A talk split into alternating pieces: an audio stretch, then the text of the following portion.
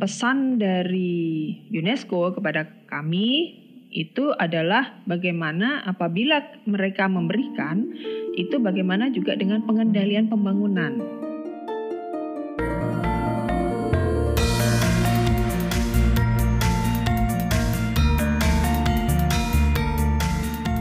Salam Rahayu. Selamat datang kembali dalam podcast Rembuk Roso Putri Kedaton. Ini GKR Bendoro lagi libur, jadi kali ini saya Hayu akan ngobrol-ngobrol bersama kakak pertama dan ketiga GKR Mangkubumi dan GKR Maturetno. Kali ini kami akan ngobrol seputar tata ruang Keraton Yogyakarta. Jadi lebih jelasnya ikutin perbincangan kami. Halo Pak Mangku, Selamat Madu. siang. Sehat semua ya, terakhir kita swab negatif semua ya. Iya. Bulan ini kan kita masih ngobrolin tentang keistimewaan Yogyakarta. Nah, menurut Mbak Madu nih, keistimewaan tata ruang daerah istimewa Yogyakarta itu seperti apa? Kalau berdasarkan Perdais eh, nomor 2 tahun 2017 tentang tata ruang, keistimewaan Yogyakarta ini bukan terjadi tiba-tiba. Hmm. Jadi sejak 50 juta tahun lalu sudah ada gunung api purba di DIY. Ini bisa kita lihat di peninggalannya di Ngelanggeran, Gunung Kidul. Nah, kemudian dalam kurun 2000 tahun lalu sudah ada juga peradaban batu besar Sokaliman di Gunung Kidul juga. Hmm. Nah, setelah itu kita tahu ada peradaban nih eh, Hindu Buddha dengan bukti peninggalan Candi Prambanan di Sleman dan sekitarnya. Itu usianya sudah sekitar seribu tahunan ya. Hmm. Gitu. Kemudian Cikal Bakal Mataram di Kota Gede, Kerto dan Pleret di Bantul itu sekitar 400 tahun yang lalu. Keraton yang kita tempati hingga sekarang usianya sudah lebih dari 250 tahun. Yang lebih baru ada kebudayaan kolonial, eh, itu seperti kampung Belanda yang lengkap ada perumahan, ada gereja, ada ruang publik di kota baru. Oke, jadi kita beruntung banget ya tinggal di lokasi penuh dengan nilai sejarah. Jadi sama leluhur kita juga sudah ditata sedemikian rupa, jadi sekarang gilirannya kita yang jaga nih. Nah, kalau ke Mamangku, untuk menjaga keistimewaan tata ruang, dasar atau pegangannya apa nih Mbak? Ya, untuk keistimewaan ataupun wilayahnya itu juga sudah dasarnya adalah diakui di Undang-Undang Dasar. Kemudian kalau untuk tata ruang itu sendiri, tata ruang keistimewaan itu diatur di dalam Undang-Undang Keistimewaan Nomor 13 Tahun 2012 yang tentunya kemudian diikuti dengan Perdais gitu. Dan tentunya untuk tata ruang dan pemanfaatan baik tanah kasultanan dan juga kadipaten. Nah, kemudian banyak sekali filosofi-filosofi yang memang diajarkan sejak zaman yang Hamengkubuwono pertama gitu. Contoh salah satu adalah Memayu Hayuning Bawono yang itu diwujudkan dari garis imajiner ya, dari Gunung Merapi, Keraton dan juga tentunya dari Parangkusumo. Kemudian juga ada ajaran Sangkan Paraning Tumadi. Nah, itu yang sekarang juga dikenal dengan garis filosofi dari Tugu, Keraton, kemudian sampai ke Panggung Kerapia. Nah, salah satunya juga yang kemudian adalah kiblat papat limo pancer yang itu diwujudkan di Kamasjitan, jadi dari Masjid Gede dan juga termasuk masjid-masjid kagungan dalam yang mana itu adalah kategori patok negoro. Jadi ada di empat sisi gitu ya. Itu yang mana menjadi acuan dari empat mata arah angin gitu. Jadi kalau konsep yang kiblat papat limo pancer ini yang ada masjid gede dan masjid patok negoro yang empat arah mata angin Mm-mm. ini adanya cuma di keraton. Cuma di. Keraton Jogja. Oke. Selain dari masjid-masjid kagungan dalam yang lainnya. Ya maksudnya ada berapa masjid kagungan dalam sih? Ada kurang lebih hampir 50. Nah, lagi-lagi untuk menjaga keistimewaan tata ruang Yogyakarta nih ya Mbak. Itu kan kemudian diikuti dengan sejumlah usaha termasuk memformalkan aturan melalui Perdais nomor 1 tahun 2017 tentang pemanfaatan tanah kasultanan dan kadipaten. Ini ke Mbak Mangku lagi nih. Yang paling mendasar Mbak, mengapa ada yang disebut tanah kasultanan? Ya, kalau tanah Kasultanan sendiri itu adalah tanah yang sekarang berada di wilayah daerah istimewa Yogyakarta. Yang mana dulu lebih luas lagi gitu ya. Tapi dulu adanya perjanjian-perjanjian gitu ya oleh Belanda zaman dulu gitu. Nah, akhirnya terbagilah dari Solo, Jawa Tengah dan daerah istimewa Yogyakarta. Nah, kemudian Sultan Ground sendiri itu tentunya dari perjuangan-perjuangan Pangeran Mangkubumi zaman dulu gitu. Jadi tidak seperti kita sekarang ini ya, jual beli tanah gitu. Kita beli tanah, beli tanah gitu. Oh. Tapi adanya Sultan Ground itu adalah perjuangan dari Pangeran Mangkubumi karena menang perang gitu. Okay. Yang menjadikan wilayah di daerah istimewa Jakarta ini jadi uh, itu bagian dari tanah milik keraton yang akhirnya juga terbagi dari tanah Keprabon dan DT Keprabon gitu. Nah, di dalam Undang-Undang Dasar 45 pasal 18B itu juga diakui dan dijamin hak-haknya. Kemudian juga dengan sekarang ada kita sejak tahun 2000 12 kita ada undang-undang keistimewaan yang memang terus diatur baik tata ruang, ruang lingkup dan juga tentunya peruntukan di tanah itu sendiri. Jadi baik dari pemerintah, dari keraton sendiri bersama-sama mengatur ataupun merencanakan, merancang gitu agar penataan-penataan di wilayah daerah istimewa Yogyakarta ini bisa lebih tertata dengan baik. Mengingat bahwa area-area ataupun lokasi-lokasi di daerah istimewa Yogyakarta ini banyak sekali area heritage ataupun warisan budaya gitu yang harus kita jaga gitu. Jadi masyarakat harus tahu mana yang warisan budaya, mana yang tidak gitu ya. Jadi perlu juga kita bisa bertanya pada pemerintah melalui dinas kebudayaan atau juga di lembaga cagar budaya gitu untuk area-areanya karena dengan seiring jalan waktu ternyata banyak sekali area-area yang termasuk dalam warisan budaya itu hilang gitu. Nah, tentunya di dalam peraturan keistimewaan itu juga diatur adanya pengembangan kebudayaan, kepentingan sosial dan juga tentunya untuk semua kesejahteraan masyarakat. Jadi untuk tata ruang sendiri kami ingin gitu masyarakat lebih memahami area-area mana yang perlu kita jaga, area-area mana yang perlu uh, mungkin bisa pengembangannya di area di apa dijadikan kayak modern gitu ya. Gitu. Jadi perlu dipahami gitu. Jadi tidak hanya untuk kepentingan sendiri tapi bagaimana kita mewujudkan daerah istimewa Yogyakarta ini menjadi kawasan-kawasan yang penuh dengan warisan budaya yang harus kita jaga bersama. Gitu. Berarti kan dulu kan pas daerahnya Pangeran Mangkubumi itu kan lebih luas dari DIY yang sekarang. Iya. Habis itu kan terus waktu zamannya yang Hamengkubuwono kedua masih dipotong lagi yang akhirnya jadi Pakualam Crown. Iya. Nah habis itu kita melalui perang panjang. Nah ini mulai banyak rancu ya pertanahan itu statusnya sebenarnya gimana? Betul. Nah sebenarnya kan ini kemarin ngobrol-ngobrol itu kan kepengennya dengan adanya UK ini kan biar jelas mana toh yang Sultan Ground, mana yang Pakualaman Ground, mana yang bisa hak milik masyarakat. Hmm. Cuma kan kemarin isunya kan kita cuma mau menginventarisasi, cuma mendata iki sakjane iki tanah sopo itu kan udah banyak yang ribut katanya mau digusur lah, mau inilah. Ya, nah makanya pentingnya pendataan itu agar penataan tata ruang bisa menjadi lebih baik. Hmm. Kemudian lokasi-lokasi wilayah tadi yang warisan budaya hmm. ataupun yang itu bagian dari kepemilikan keraton itu tidak hilang. Jadi tujuannya ditata bukan digusur. Oke. Okay. Ya, ini untuk mewujudkan tujuan yang disebut Mbak Madu tadi. Dalam Perdais ada istilah tanah keprabon dan DD keprabon. Mbak, Mbak Madu penjelasannya gimana tuh? Ya, jadi untuk menjaga dan mengembangkan budaya tadi, tanah-tanah untuk bangunan keraton dan kelengkapannya itu disebut tanah keprabon.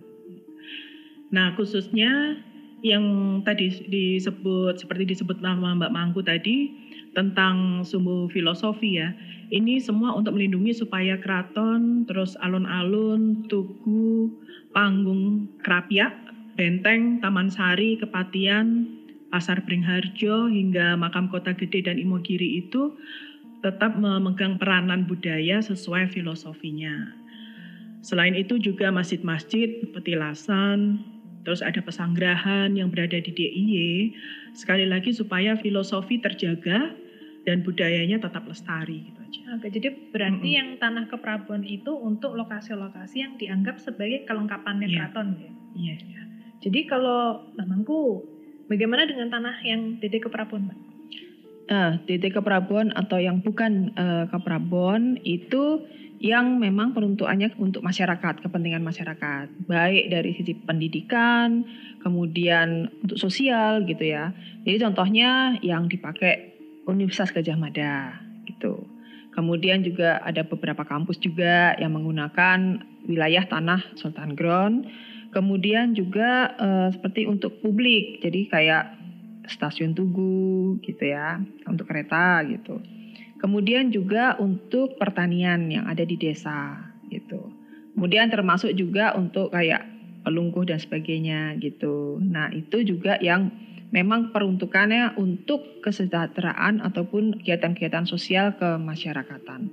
Itu yang bukan atau DT Keprabon. Jadi kayak UGM itu masih meskipun dia di tanah DD Keprabon tapi tetap Sultan Ground ya. Tetap Sultan Ground gitu. Tanah DD Keprabon tetap ya. Sultan Ground. Oke. Jadi kita tahu dulu Jogja itu kan sebuah negara dengan tatanan sendiri. Kemudian bergabung ke Republik Indonesia yang punya juga tatanannya sendiri. Nah, kaitan dengan pertanahan nih, kan logis apabila ada transisi antara dua tatanan ini. Salah satu hal untuk mewujudkan penataan yang terintegrasi, terverifikasi, dan terregistrasi dengan baik di keraton itu merupakan tugas dari panitikismo yang juga adalah di bawah Mbak Madu. Share dong Mbak, tugas panitikismo ini apa aja sih? Salah satu tugas dari panitikismo adalah menerbitkan serat kekancingan yang menyatakan bahwa Sultan Ground yang sifatnya Dede Keparabon mempunyai status Magersari, Ngindung, Anganggo, dan Anggaduh. Itu. Nah, pokoknya yang jelas kalau misalnya mau e, mengajukan kekancingan itu ada di kantor di keraton di sebelah pagelaran ya, bukan di tempat lain. Oh, jadi yang yang berhak mengeluarkan kekancingan surat kekancingan untuk pertanahan itu hanya panitikismo hanya ya, panitikismo. tidak tidak lain ya. Tidak ada yang tidak lain. Ada yang lain. Oke. Nah, ini kan cara mengurus surat kekancingan itu kan juga anu ya, eh, rekomendasinya berlapis ya. Iya. Jadi nanti kita akan ada special episode yang khusus untuk membahas tata cara mengurus surat kekancingan itu seperti apa karena kalau enggak ini alokasinya jadi panjang banget. Kita move on ya. Ya. Nah, satu hal lagi nih terkait dengan upaya menjaga kebudayaan warisan leluhur agar lestari untuk generasi mendatang. Itu adalah pendaftaran sumbu filosofi ke dalam warisan budaya dunia oleh UNESCO. Hal ini maksudnya untuk apa dan bagaimana prosesnya nih Mbak Mangko? Iya, untuk pendaftaran ke UNESCO itu adalah tujuan yang sudah mungkin tiga tahun yang lalu gitu ya. Karena kita menginginkan wilayah di daerah istimewa Yogyakarta ini menjadi World Heritage gitu. Kita ingin dong punya mimpi seperti Edinburgh gitu ya. Jadi mereka menjaga benar-benar apa yang sudah dibuat oleh pendahulu-pendahulunya gitu. Nah, kita di Jogja ini di daerah istimewa Yogyakarta itu ada dua ya. Jadi e, sumbu filosofi Tugu sampai ke Panggung Krapia, kemudian garis imajiner itu dari Merapi sampai ke Parangkusumo gitu. Nah, yang kemarin itu didaftarkan melalui Dinas Kebudayaan, kemudian melalui Kementerian Pendidikan dan Budaya sampai ke UNESCO sana. Itu sudah dilakukan setahun yang lalu. Kalau nggak salah itu suratnya masuk di bulan Februari. Hmm. Nah, Tugas kita adalah membuat pemetaan, kemudian kembali uh, tata ruang yang baik, termasuk transportasi, kemudian tempat-tempatnya gitu ya, agar penataan secara keseluruhan itu juga lebih baik. Karena pesan dari UNESCO kepada kami itu adalah bagaimana apabila mereka memberikan itu bagaimana juga dengan pengendalian pembangunan gitu. Hmm. Jadi seperti tinggi bangunan kan dari Tugu sampai ke Panggung Kerapia itu kan ada ini ya, ada apa ketinggian itu seberapa tinggi gitu ya bangunan-bangunannya gitu. Kemudian juga kan nggak bisa di antara rumah kemudian ada bangunan yang tinggi-tinggi seperti itu. Jadi lebih ke penataan pembangunannya selain tata ruang dari sisi pertanahan tadi. Nah, itu yang kita bersama-sama dengan uh, Dinas Kebudayaan sedang mengerjakan itu gitu. Nah, tentunya lembaga-lembaga yang terkait ataupun perencanaan secara keseluruhan baik 22 titik yang memang dilalui dari garis filosofi itu harus benar-benar kita tata dengan baik ini yang pertama gitu. Selain keseluruhan itu juga mengikuti gitu. Nah, 22 titik itu memang mayoritas ada di titik nol dan juga di keraton sendiri gitu. Nah, inilah fungsinya bagaimana kita saling menjaga warisan-warisan budaya yang ada di semua wilayah daerah istimewa Yogyakarta agar tujuan kita menjadi World Heritage gitu ya itu bisa tercapai gitu. Nah, ini juga tentunya kita ingin mengajak semua masyarakat di daerah istimewa Yogyakarta ini bisa saling memahami, saling tahu gitu ya. Kemudian juga saling kita bersama-sama menjaga dan mengaturnya gitu. Nah, kemudian juga di UNESCO ini juga tentunya mereka juga tidak memberi dengan mudahnya gitu Nah, perencanaan-perencanaan juga tentunya harus kita siapkan secara keseluruhan, baik dari instansinya, lembaganya, kemudian master plan dari pemerintah daerah sendiri, master plan yang ada di keraton, dan juga tentunya master plan yang ada di Pura Pakualaman gitu. Nah, tentunya semua kawasan-kawasan yang merupakan warisan budaya ini yuk kita jaga gitu. Jangan kita anggap bahwa itu adalah bangunan yang kuno karena masih banyak juga gitu ya orang-orang yang mungkin tidak tahu, mungkin yang kurang mengapresiasi gitu ya akan adanya bangunan-bangunan lama gitu. Nah, kita juga punya PR nih untuk mengembalikan wajah daerah istimewa Yogyakarta seperti pada waktu yang HB pertama itu membuat gitu.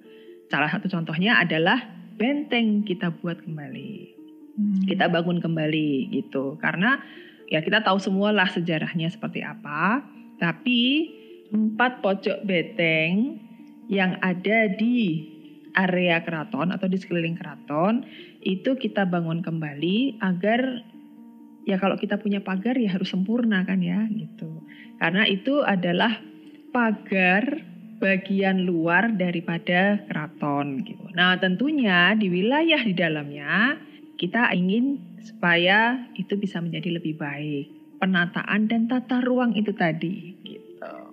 Oke, jadi kan berarti kan dimulai dari Pangeran Mangkubumi dulu mempunyai filosofi-filosofi kayak pasangan Paraning Tumadi, terus itu yang diwujudkan dalam bentuk arsitektur. Iya. Yeah. Ya kan? Nah, berarti kan itu mulai dari dalam dan diwujudkan dalam bentuk fisik. fisik. Berarti itu yang harus kita lindungi karena jangan sampai arsitektur itu berubah karena kalau berubah kita kehilangan asal usul filosofi itu sendiri toh yang Betul. membangun jadi masyarakat Jogja yang istimewa itu. Ya, jadi tentunya pentingnya kita memahami filosofi yang sudah dibuat dan diajarkan sejak yang HB pertama itu. Nah, tidak hanya filosofi atau makna tadi, tapi juga infrastrukturnya juga harus kita ikuti dan kita kembalikan semaksimal mungkin gitu. Oke, berarti juga dengan filosofi itu juga sudah diapresiasi dan dituangkan dalam undang-undang keistimewaan yang akhirnya didefinisikan sebagai tanah keprabon dan ya tanah keprabon itulah karena berarti yeah. kan e, keraton dengan segala perlengkapannya itu diakui oleh negara. Jadi kayak yeah. masjid gede gitu nggak bisa diwakafkan gitu kan. Gak itu bisa, tetap punya keraton tetap, gitu iya. ya. Wah ini cita-citanya besar ya Mbak untuk Jogja di masa yang akan datang. Matur nuwun Mbak Mangku dan Mbak Madu atas waktu dan penjelasannya. Jadi keistimewaan Yogyakarta itu akan terus hidup apabila semua yang ada di Jogja memahami asal-usul daerah tercintanya ini. Jadi semangat keistimewaan ini merupakan jalan untuk menatap masa depan yang lebih gemilang. Gitu.